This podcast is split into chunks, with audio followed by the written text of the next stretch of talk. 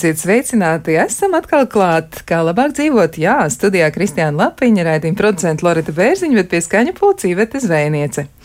Raidījuma temats šodien būs par attālināto darbu, kā tas mūs ietekmē, ar ko tas atšķirs no darba noteiktā darba vidē, un kas mums būtu jāņem vērā attiecībā pašiem uz sevi. Un eh, tāpēc arī mēs mēģināsim runāt par daudzām dažādām lietām, bet pirms mēs sākam, nu tāds fakts, kas varbūt var jūs arī uzmundrināt, jo tas galīgi nav par tematu, bet uh, tas ir par ko citu. Izrādās, ka kartupeļs patiesi joprojām ir populārākais pārtiks produkts Latvijā, un aprēķināts, ka katrs Latvijas iedzīvotājs gada laikā apēd 78 kg kartupeļu. Nu, tas tā kā svērtu vidējs cilvēks, ja, kurš ir nu, kādu 1,70 m un arī vairāk garš.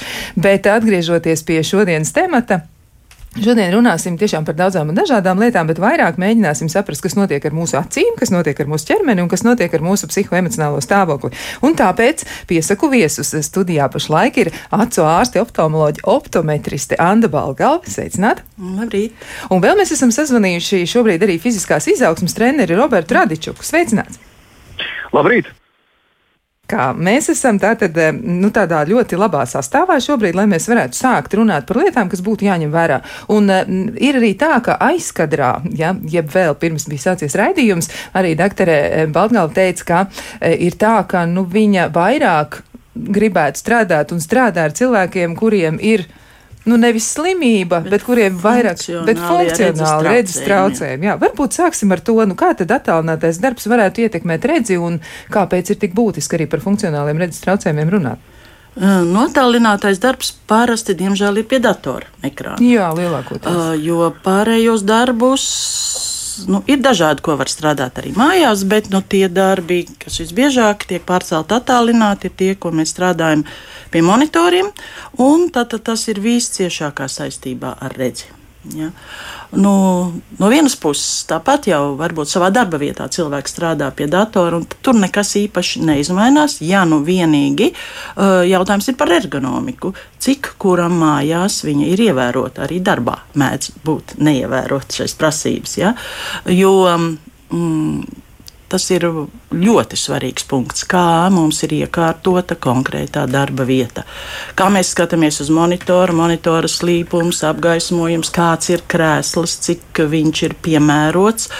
Um, nu, daudz šīs lietas, tas, tas varētu būt reizēm problemātiski. Ja, jo varbūt visi cilvēki nezina, kādas ir tās prasības. Konkrētā darba vietā ir da, šie inspektori, ja, kuri pārzina, un es domāju, ka viņi testē konkrētās darba vietas, vai to paši darbinieki zina, kādas ir prasības konkrētai ergonomikai. Tas varētu būt jautājums. Um, nu tad otrkārt. Um,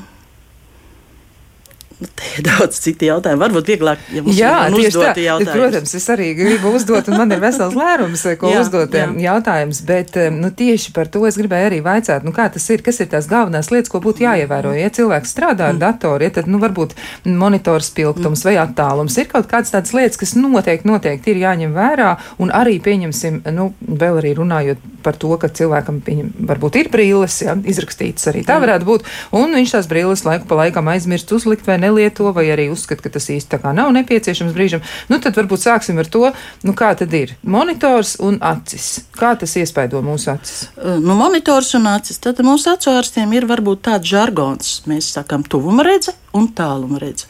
Un tuvuma redze ir praktiski sākot no metra un tuvā, kurā ietilpst jebkurš faktiski monitora attālums. Jo, lai paskatītos tālumā, Eh, kas ir tālāk par 5-6 metriem. Cilvēkam vajag veselas acis, normāla refrakcija, un tas viss notiek automātiski bez piepūles. Lai paskatītos šī tuvumā, nu vienalga, metrs 50, 30, 20, jo tuvāk, jo grūtāk. Ja? Pirmkārt, acīm ir jāiefokusē, tie jau ir atsiekšēji muskuļi. Otrkārt, parasti acis ir divas, un katrai acī ir seši grozītāji muskuļi. Tātad kopā 12. Viņiem visiem perfekti jāsastrādājas, un ir šī saucamā konverģence, kas arī acis novirza uz konkrēto punktu. Un es gribu teikt, ka tas salīdzinoši ar tālumu redzi ir nesalīdzināmi lielāks un smagāks darbs acīm. Tā tad ļoti liela slodze. Tā ir ļoti liela slodze. Nu, protams, ir izņēmuma gadījumi, ja tur ir turadzība, mīnus 2, mīnus 2,5. Viņi praktiski strādā bez akomodācijas tūmā, nu, viņiem ir tomēr jākonverģē. Bet principā tā ir slodze lielos vilcienos. Un tāpēc viena vēl lieta ļoti svarīga, ko varbūt nu, to aizmirst gan visur bieži vien. Uh, viens bez šīs darba vietas iekārtojuma ir darba ritms un režīms. Un tad man patīk šī analoģija, nu, divas analoģijas. Viena šī tūmas lodze varētu būt salīdzinot ar pārgājienu vai pastaigu parciņā, vai uh, gājienu ar smagu mugursomu plecos. Un, ja tas salīdzinām ar muguru, uh, tad tālumā ir tā kā tā pastaiga parciņā, bet uh, tūmas lodze ir līdzīga kā ar smagu mugursomu. Es savā laikā esmu gājis nopietnos pārgājienos kalnā, kalnos, un tad es nevarēju saprast, 20 minūtes ejam vai pusstundējam, un 10 vienkārši noliekam šīs somas un sēžam. Ja? Un tas sākumā likās muļķīgi, bet vēlāk saprotu, ka bez tā tu tālu nekur neaizies. Un līdzīgi ir ar acīm, tad, tad tas, tas klasiskais, kas ir pieņemts un pierādīts, ir šis ritms ritms. 20, 20, 20 tas nāk no Amerikas, tur tās pēdas un, un, un, un, un uh, minūtes un sekundes. Ja? Tad, ik pēc ideālā variantā mums būtu jātaisa biežas un īsas pauzītes. Tas nozīmē? Apmēram ik pa 20 minūtēm, tad, tad trīs reizes stundā jāapceļ vienkārši acis no monitora, jāpaskatās tālumā, ideāli pa logu, un tad, tad tur jāveic trīs vienkāršas darbības. Jāatslābina acis, jāizgroza kārtīgi, kārtīgi intensīvi jāsamirkšķina, jo strādājot mēs to automātiski, fizioloģiski darām retāk. Un vēlreiz jāatslābina un strādājam tālāk. Ja? Tas izskatījās tas, labi. Jūs arī rādījāt, jā, nu, jā, nu, jā. Nu, lūk, un tas prasa 15, 20 sekundes. Un, ja mēs man kāds saka, bet es savu darbu nevaru paspēt izdarīt, tas no minūtes. Uh, Nu jā, no stundas tas paņem maksimāli pusotru minūti. No divām stundām trīs. Tas nepaņem neko. Ja? Bet uh, ir milzīgs efekts šīm tieši biežajām tieši biežajām un kaut vai īstajām pauzēm. Jo ir bijuši pētījumi, kad, piemēram, viena grupa strādā 8 stundas un ik pa divām stundām 15 minūtes atpūtināts, un otra grupa tā, tās pašas 8, bet šīs te biežās. Ja? Tad tā, tā, kas ik pa divām atpūtināja 15, sumāri tā, tad, tās bija 15 minūtes divās stundās, un šeit divās stundās tikai 3 minūtes. Tikai 3. Bet efekts uh, cik bija darbs veiks, cik bija atpūtušās un subjektīvi kā jutās, bija daudz labāks šīm īsajām, bet biežajām pauzītēm. Tā tad tas ir jāatceras. Tas jā, ir jāatceras. Tas ir un kādreiz es redzu funkcionāli, ka tur ir jau šie funkciju traucējumi, un es cilvēkam pasaku, pirmo nedēļu ļoti cieši nolieciet blakus pulksteni. Advancētie māk, es atvainojos, uztaisīt datorā šīs pauzes. Programmas esot pilns ar visādām demo versijām, ko pa brīvu var uzlikt, ja? kas tev ik pa 20 minūtēm nevis izdzēš tavu darbu un sabojā, ja? bet tur aizpeld kaut kas priekšā, nesabojājot darbu uz tām 20 sekundēm. Tu vienkārši nevari neko darīt, ja? un tad tu vari brīnišķīgi šo pauzīti veikt. Tas Jā. ir ļoti svarīgi. Un vēl runājot arī par monitoru spilgtumu. Nu, tā tiešām ir arī tas iespējot cilvēkus. Jā, nu, tur ir es neviens cipars nenosaukšu subjektīvi. Jā, bet, ir nu, subjektīvi. bet ir viens tāds, nu, kā saka, tāds ļoti, ļoti vienkārši neko nemērot. Ja?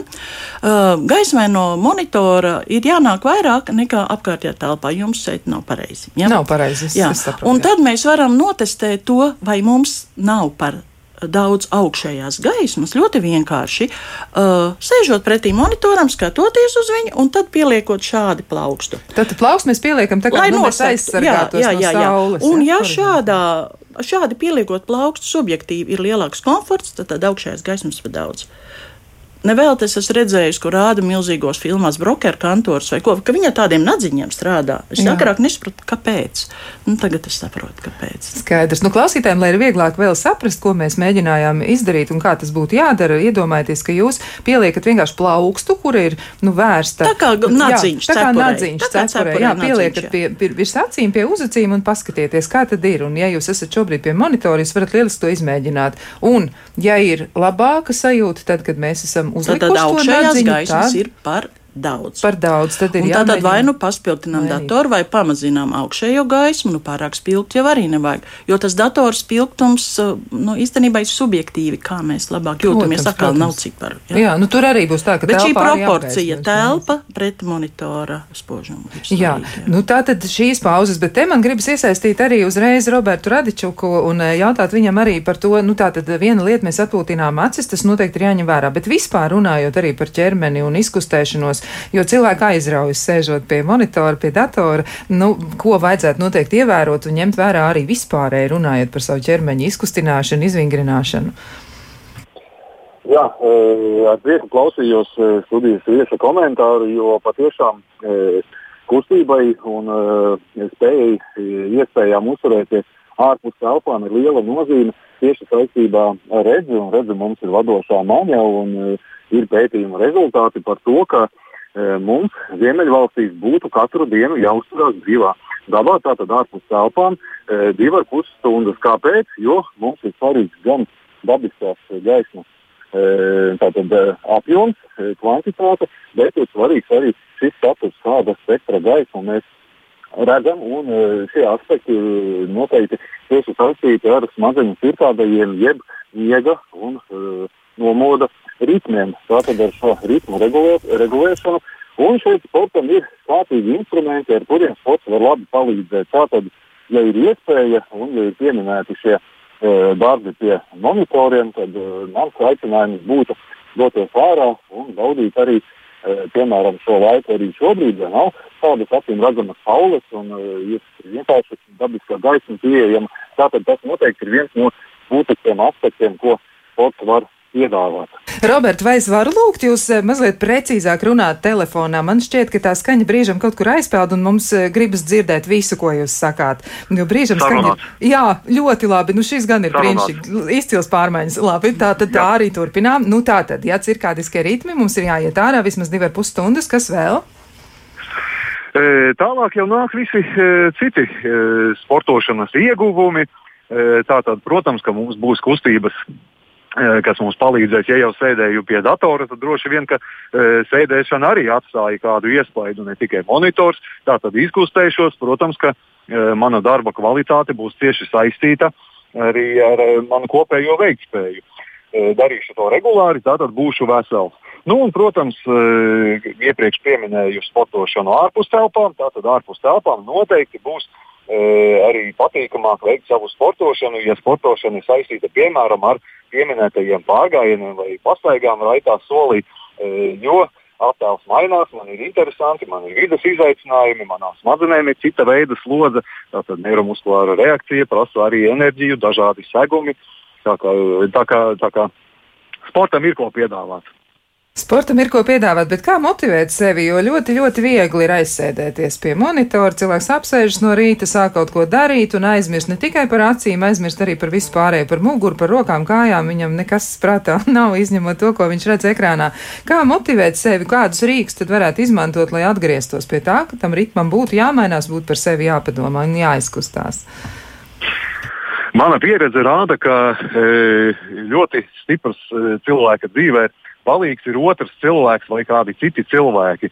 Ja ir sarunāta tikšanās, ja ir kādi domu biedri, tad ir pavisam labi. E, ja gadījumā iznāk pašam e, patstāvīgi doties, e, izkustēties, tad, piemēram, ārpus telpām iznāks veikt kādu attālumu, vai tas varētu būt gala mērķis.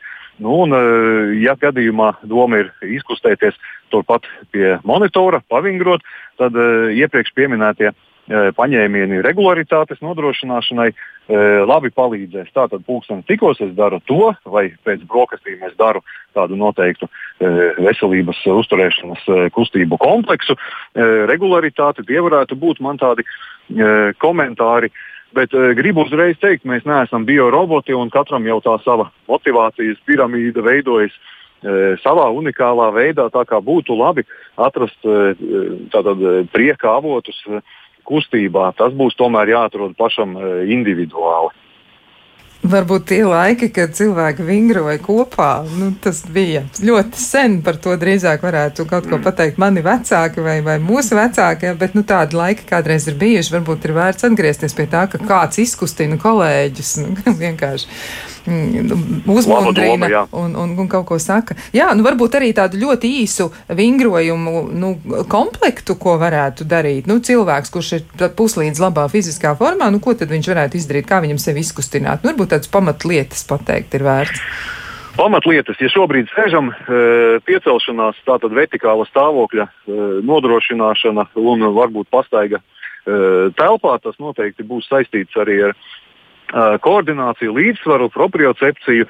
Tātad vertikāls stāvoklis, tātad lielās locītavas, nākamais pieliekam jau klāt lielās locītavas, ērta kustību izpildes amplitūda, plašas amplitūdas, ja ir iespējams, ja telpa atļauj, ja esam brīvā dabā, tad ierobežojumi būs mazāk.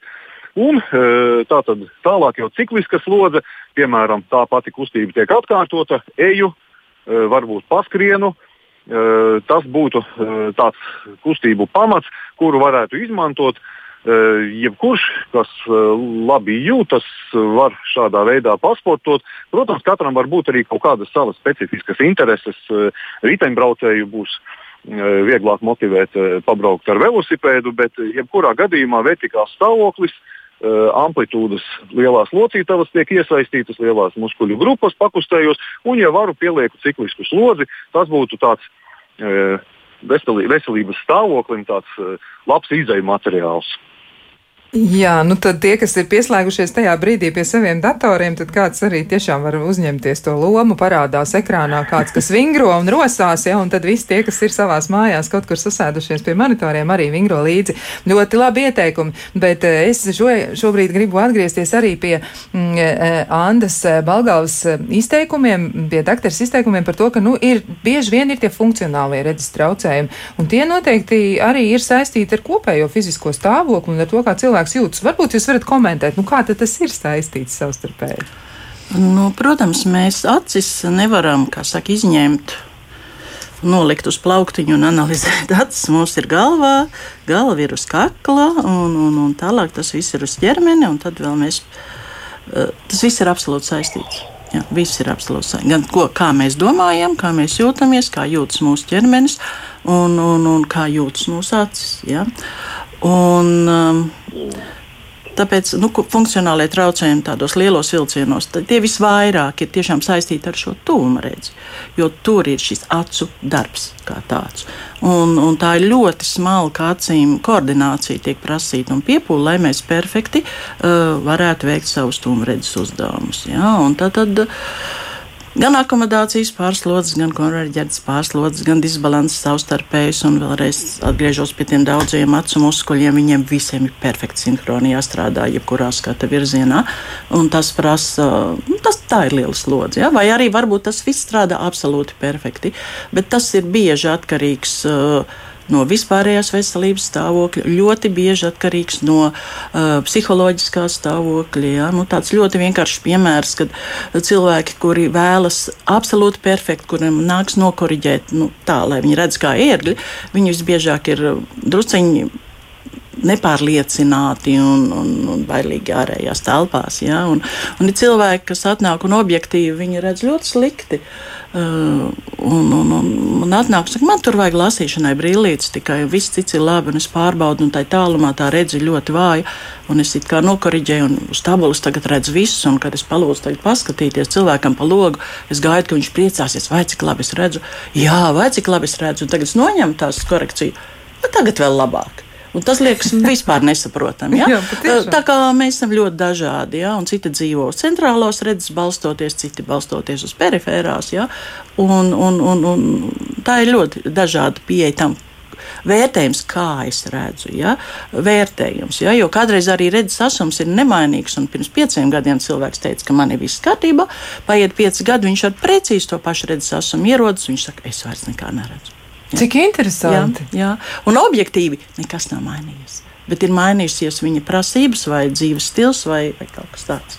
Tas nozīmē, ka tiešām redzi ietekmē arī tas psihoemocionālais stāvoklis, tas komforts. Ļoti, ja? ļoti, ļoti. Jā, tā ir ļoti tāda būtiska atziņa. Tas savā ziņā tiešām liekas samērā neparasti, jo, nu, biežāk, jo mēs tiešām domājam, ka acis, nu, tas ir, nu, jā, anatomiska struktūra. Jā, es atceros, ka sākumā, kad sāk strādāt pēc, pirms ļoti, ļoti daudziem gadiem, es to nevarēju saprast, jā, ja mums tāda mērvienība, nu, viens redz, jā, nu, tā ir desmitā daļa no pilnā redzes asuma, un ja es viņu varu nokoriģēt līdz vienniekam simtprocentīgi, un viņš dabā paskatoties apkārt pasaka, kad labāk bija tā, kā viņš neredzēja.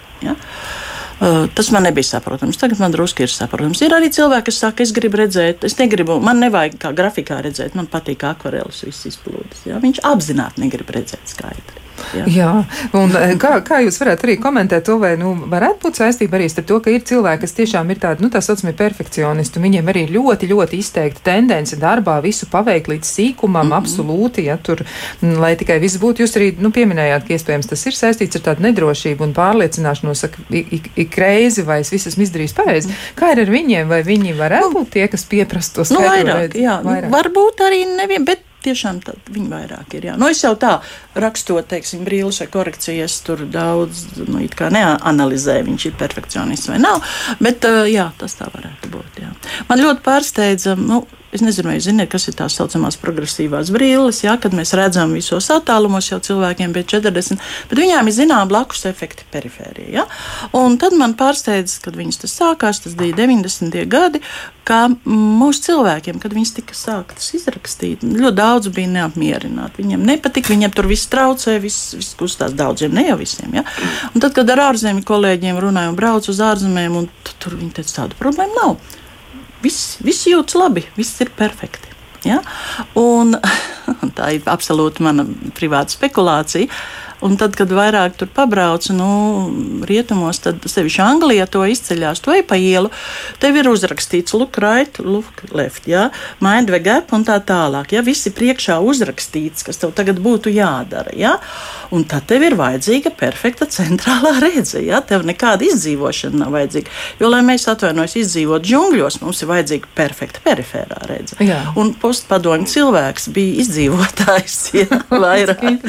un, un, Un, un, un, un tāpēc viņam, jo tās brilles tev ierobežo perifēriju un izmaina, ja tev ir iedzīts centrālā perfektā redzētojas, un tāpēc viņi ļoti sāpīgi daudz to pārdzīvo.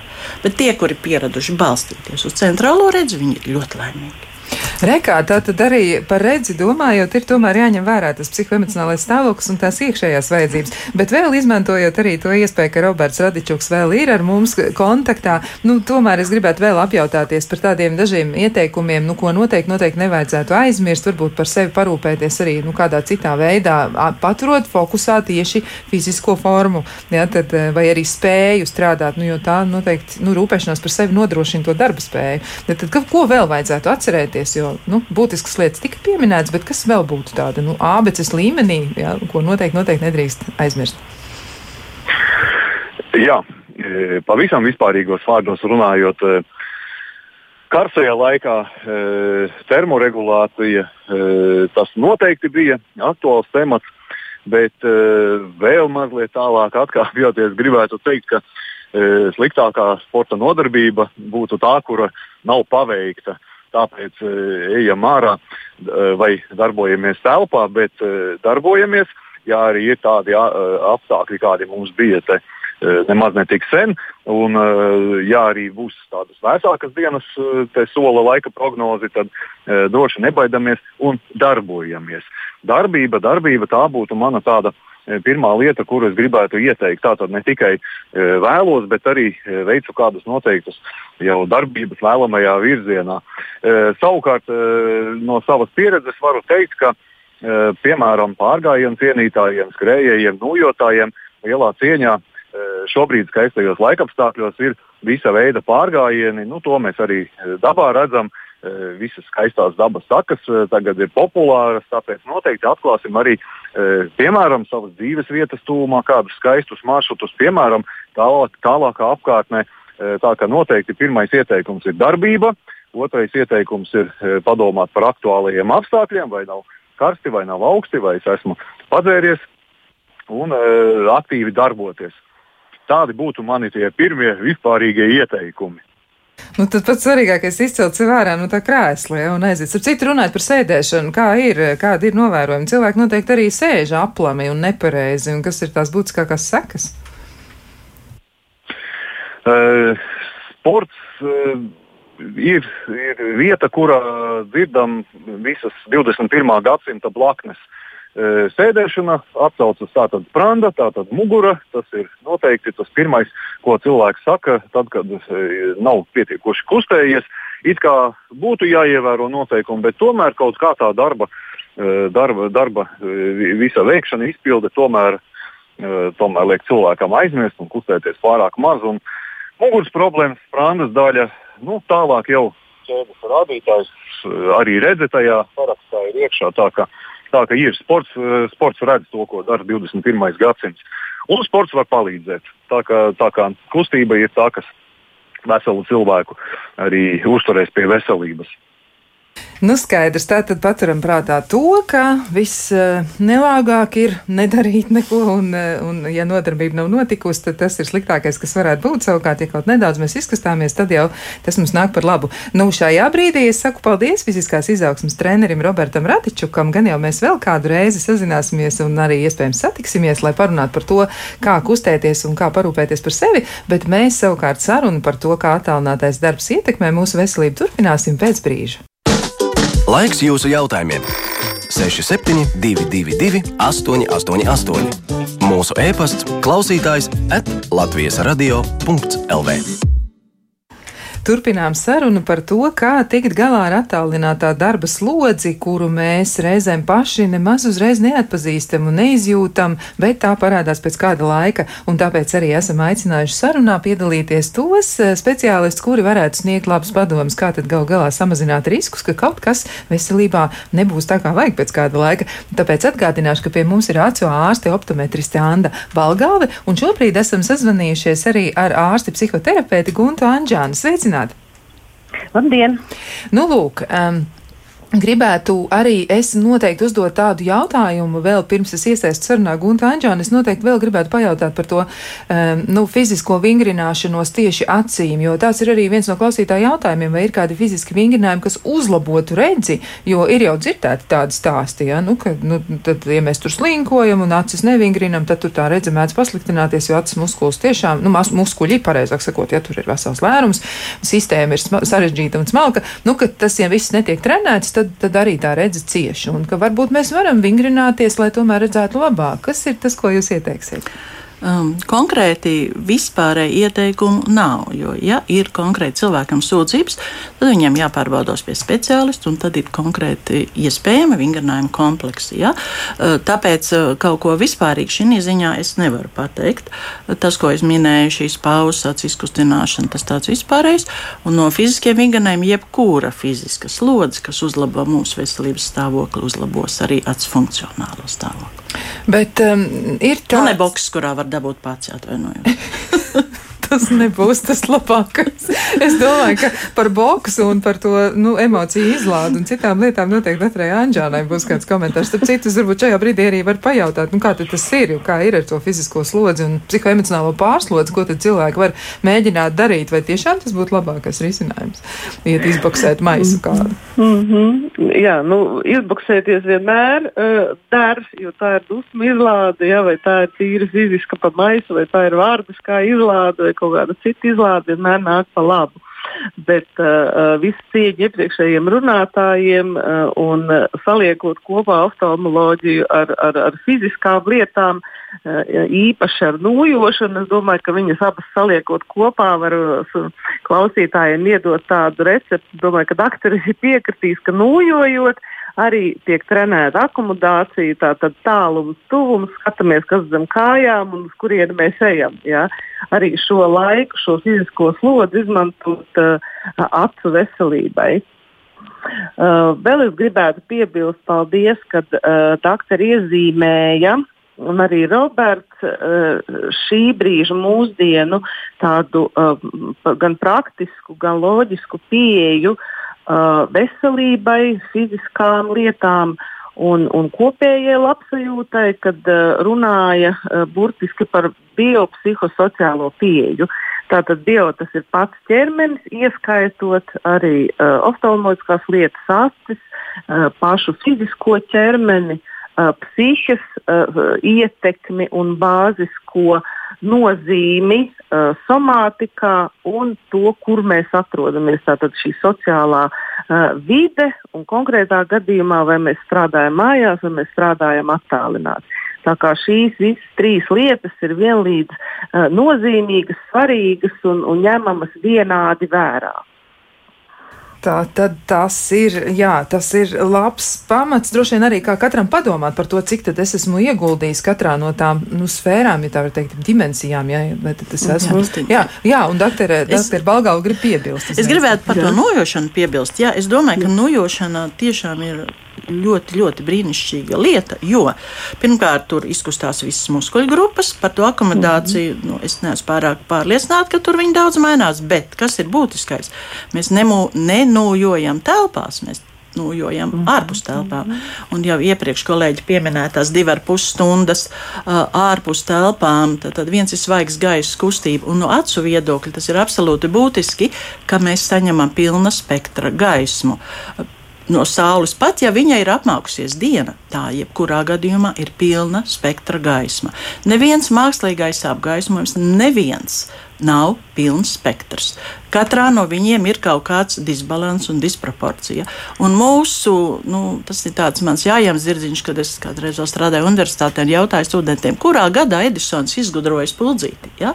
Tātad tas bija ap 1870. gadu, tas ir tikai 150 gadus atpakaļ. Bet kad radās cilvēks? Cilvēks mums ir ļoti, ļoti sen. Tad, cilvēks ir audzis dabiskajā gaismā, nevis mākslīgajā apgaismojumā. Jo Gāzspuldzei trūka zilās gaismas. Mūsdienu jaunām ledus spuldzēm un tā tālāk uh, viņas ir disproporcionāli par daudz trūkst tās. Ja? Un um, visam or organismam veselībai, hormonālai sistēmai, pilnīgi visam ir vajadzīga pilna spektra gaisma.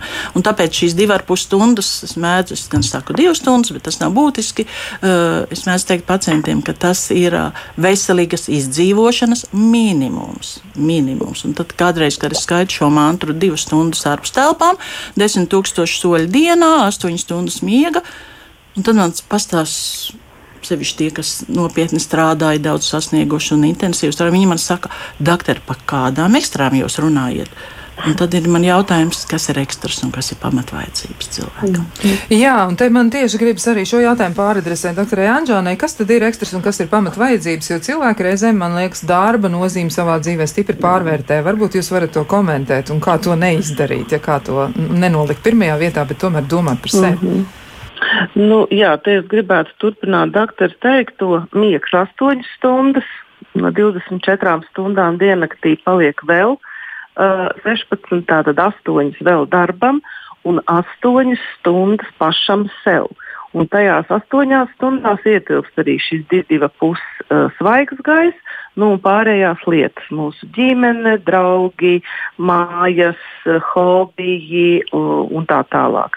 Ja mēs vairāk vai mazāk, nu, protams, ar nelielu pie, nobīdi un arī vecumu grupu īpatnībām, ievērojam šo lielo principu uh, 1, 8 pret 8 pret 8, ja, tad uh, varam cerēt, ka mēs esam ieguldījuši savā veselībā, gan fiziskajā, gan psihiskajā pietiekoši uh, nu, daudz un varam runāt par sevis uh, mīlēšanu, par pašvērtību, pašcieņu, uh, jo mēs tiešām harmonizējam un līdzsvarojam visas savas fiziskās un psiholoģiskās lietas. Nu, es teiktu šādā veidā, ka to varētu, uh, ka to varētu mm, nu, precizēt praktiski.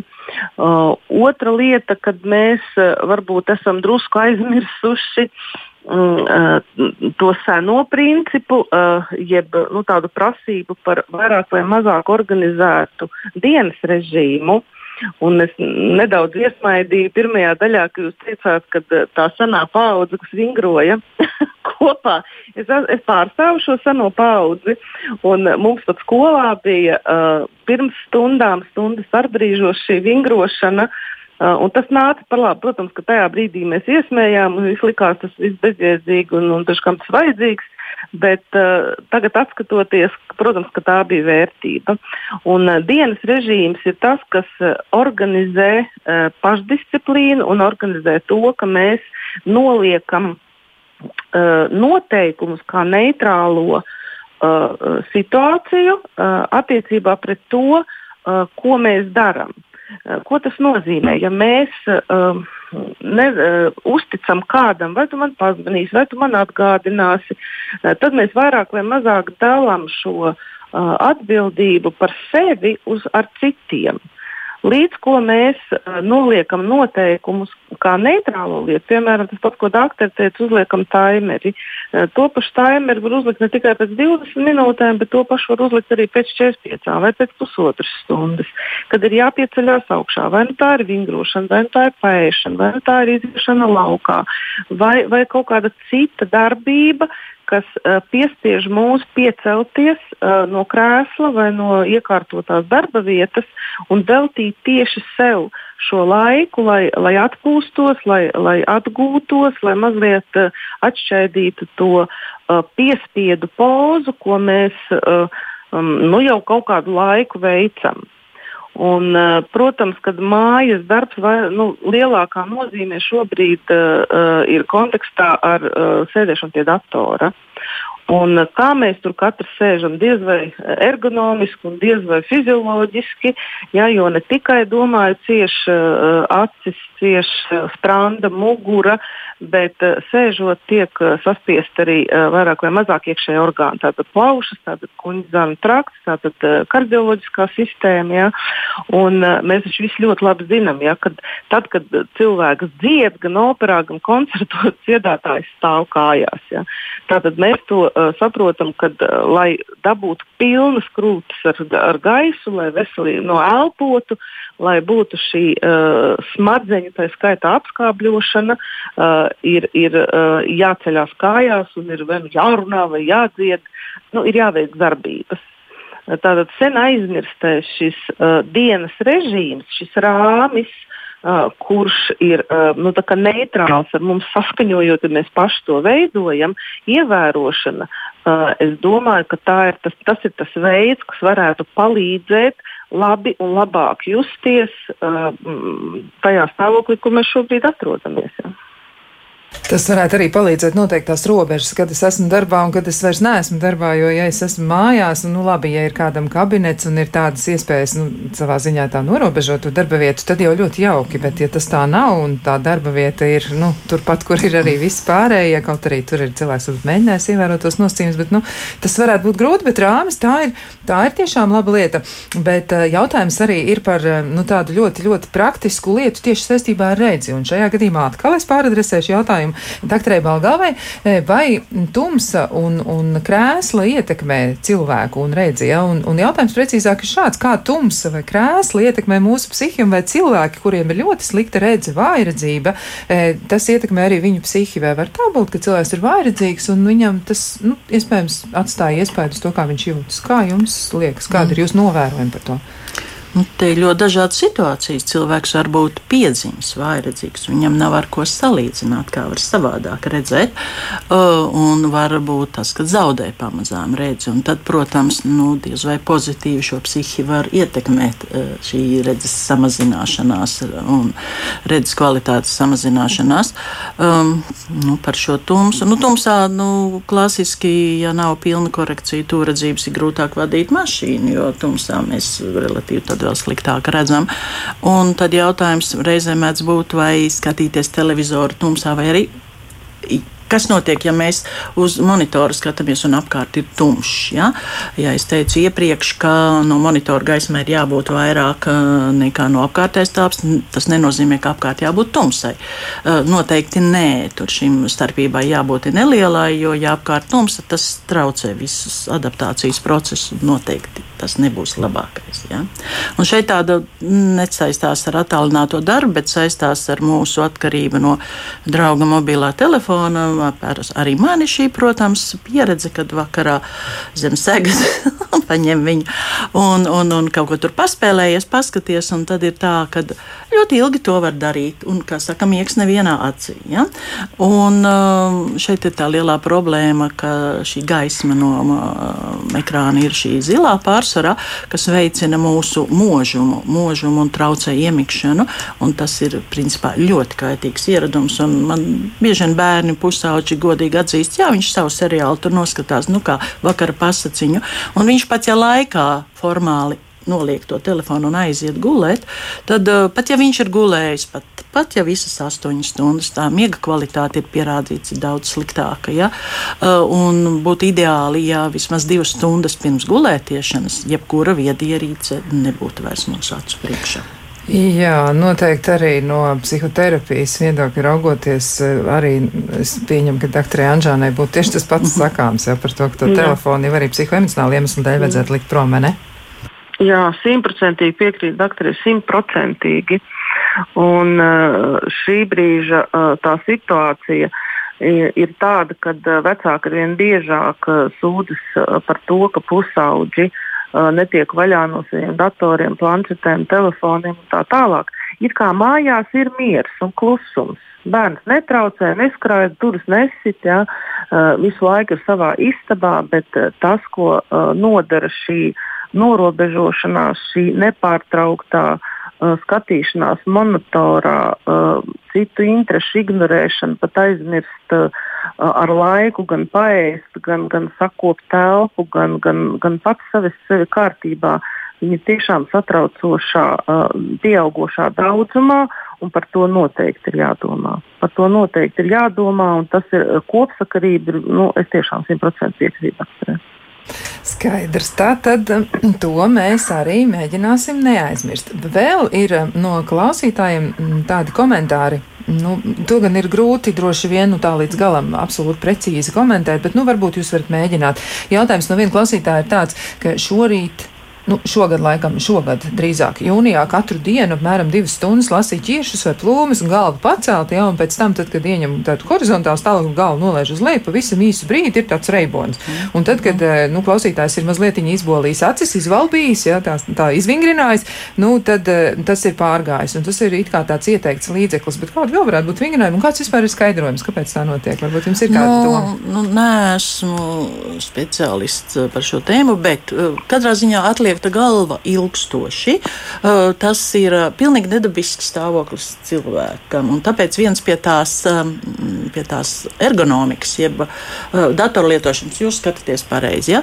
Tad, tad ideālā stāvoklī, nu, kāda mums ir cilvēka mugurkauls, viņam augšējais izliekums ir tā, ka drusciņi mums galva ir uz leju. Fizioloģiski mēs ļoti pa taisnu galvu neturam visu laiku, jo, ja mēs ejam pa ielu, mēs automātiski neapzināti skatāmies 5-6 metri priekšā, lai novērtētu novērtētu ceļu. Ja?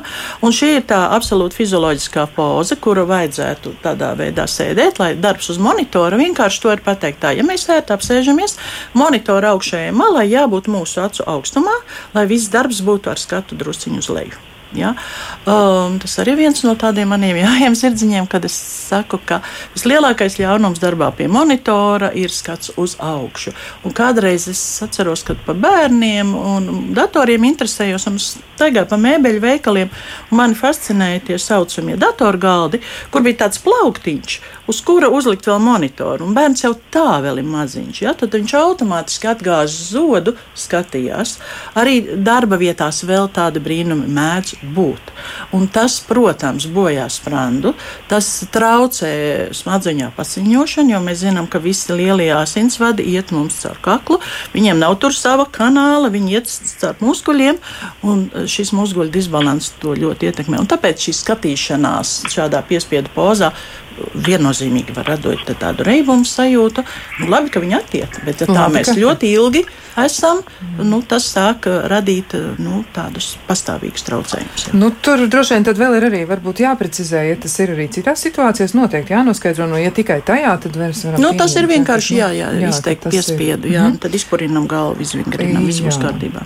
Nu, vēl tāds ieteikums no klausītājiem, ka redzēja ļoti labi palīdz zaļie augi telpā uz tiem, lai laiku pa laikam var paskatīties. Un, liekas, arī tas no tāda cita viedokļa ļoti patīkami. Brīnišķīgi, jo nu, zaļā krāsa mēs zinām, ka tā ir krāsa mūs ļoti ietekmē. Jā, nu, zaļā ir šī spektra vidusdaļa, kas ir šī nomierinošā. Jā, jau visas siltās krāsas uz augšu, dzeltens, oranžs, sarkans ir tonizējošs, un uz leju zils, violets tās jau ir nu, tādas um, vēl vairāk nomierinošas, teiksim, atslābinošas. Zaļais ir neitrāls, tas jau klasiski ir tas, kas mūs nomierina. Kaut vai asociācijā ar skaistu zaļu dabu. Jā, jā nu te vēl ir arī daži tādi ļoti, es teiktu, tādi specifiski jautājumi. Nu, piemēram, viens bija um, pirms kāda brītiņa jau ielicis, kas saka, mm. monitorā, jau, un es uh, to joprojām redzu. Nu, um, acu ārsti teica, ka redzi, jo, ā, tātad klausītāji bijis pie acu ārsta, un mm. acu ārsts ir teicis, ka redzi joprojām ir laba, bet miglošanās, kura ir, ko viņi ir novērojusi, ka tas ir no noguruma. Tātad klausītāji miglojas, redza, jā, acis īsti labi nerāda. Un vai tiešām, ja, jo viņi saka, nu, ka man miglojas bieži un arī no rītiem un arī pēc brīvdienām, un pat tad, kad viņi nav skatījušies zilajos mm -hmm. ekrānos, ja, un arī nav daudz sēdējusi, tad droši vien varbūt ir labākais aiziet pie acu ārsta. Varbūt šajā gadījumā, ja būtu pie acu ārsta un teikts, ka labi, tad es pieņemu, ka tiešām acis ir veselas, bet tad ir vērts pie optometrista aiziet, jo viņi vairāk specializējas uz funkcionālām lietām. Jā. Un šī miglošanās var nebūt saistība ar acu veselības traucējumiem, bet ar funkcionāliem traucējumiem. Tā tad to var precizēt pie optometrista. Un vēl viens jautājums arī, par ko varētu liecināt, tas ir uzliekot rokas uz acīm, nu tā aizvarot mm. acis, tā kā cieta rokām, redz tādus sīkus punktiņus. Ja? nu, viss, ko mēs varam redzēt, nu, viena no tādām metodēm, acu vingrinājumiem, ir tas saucamais palmings, kad mēs aizveram ar plaukstām, sildām un tumsa. Un, un mums ir dažādi seku attēli. Nu, katrs redz kaut ko savu, tas ir normāli. Tas jā. ir normāli. Tātad tie punktiņi, jā. Izmantojot šo palmingu, jā, jā, nebūs jā, jā, nekas, jā, jā. nekas traks, jo klausītāji tieši tā arī jautā. Nu, ko, nu, izskatās, ka mūsu laiks izsīks. Nu, es vēl gribētu uzjautāt eh, Guntai Anžānai, nu, tādu noslēgumu, nu, kā jūs uzmundrināsiet attālinātā darba veicējus, par ko viņiem nu, padomāt, bet tā ļoti, ļoti konkrēti un īsi. Mm, varbūt, eh, varbūt, lai saliktu kopā šo, es teiktu, ja uh, pie atvārta viss kārtībā, pie optometrista viss kārtībā, vai ir maza korekcija, tad nākošais solis ir uh, psihoterapeits, jo, kā mēs zinām, acis ir dvēseles spogulis. Un, ja tīri funkcionāli vai organiski mēs neatrodam iemeslu, ir vērts uh, painteresēties, kas notiek ar mums un mūsu dzīvēm. Bet, ja par attālināto, es akcentētu tās trīs lietas. Tātad 1, 8, 8, 8 ikdienas režīms un, protams, visas veselīgās lietas, par ko jau mēs visi, protams, zinām, veselīga ēšana, kustēšanās, uh, uh, atslābināšanās divas stundas pirms miega, neskatīties. Vispār man jau patīk uh, tā, uh, tā, tas noteikums, ko daudzās ģimenēs es dzirdu, ka sāk izmantot, kā ienāk pa durvīm uh, vakarā vai arī pirms vakariņā, visi telefoni tiek salikti kastītē līdz rītam. Es domāju, ka tas ir tiešām tāds labs paņēmiens, kā visi kopā, visa ģimene. Uh, velta laiku katram sev un visiem kopā, līdz ar to veicina arī un uzlabo savu veselību, ne tikai uh, redzi. Paldies! Nu, tādi ļoti iedrošinoši vārdi un arī tāda laba padoma. Nu, klausītājiem arī ir daudz un dažādi ieteikumi. Mēs noteikti par tiem neaizmirsīsim, ņemsim tos vērā un arī laba pieredze, ar kuru dalās gan, e, nu, kā klausītājs sevi nosauc finansists seniors, ja kurš ir izmainījis savu dzīves veidu un stilu un ļoti, ļoti labu rezultātu. Un tiešām arī šobrīd ir ļoti spēcīgs un veselīgs cilvēks. Un arī par monitoru regulēšanu daži interesanti ieteikumi. Mēs to paturēsim prātā un noteikti izmantosim vēl kādreiz. Bet šobrīd, šobrīd es saku paldies acu ārstei optometri psihiatristei Andai Balgalvei un arī ārstei psihoterapeitei Guntai Anģānai. Bet ar klausītājiem savukārt mēs tiksimies rīt, lai runātu par to, ko mēs vēl varam pagūt izdarīt dārzā pirms eh, tuvojas ziema un eh, nejaukie laikapstākļi. Mēs tomēr varam parūpēties par skaistumu. Lai jums arī jauka diena un viss izdodas. Visu labu! Kā labāk dzīvot?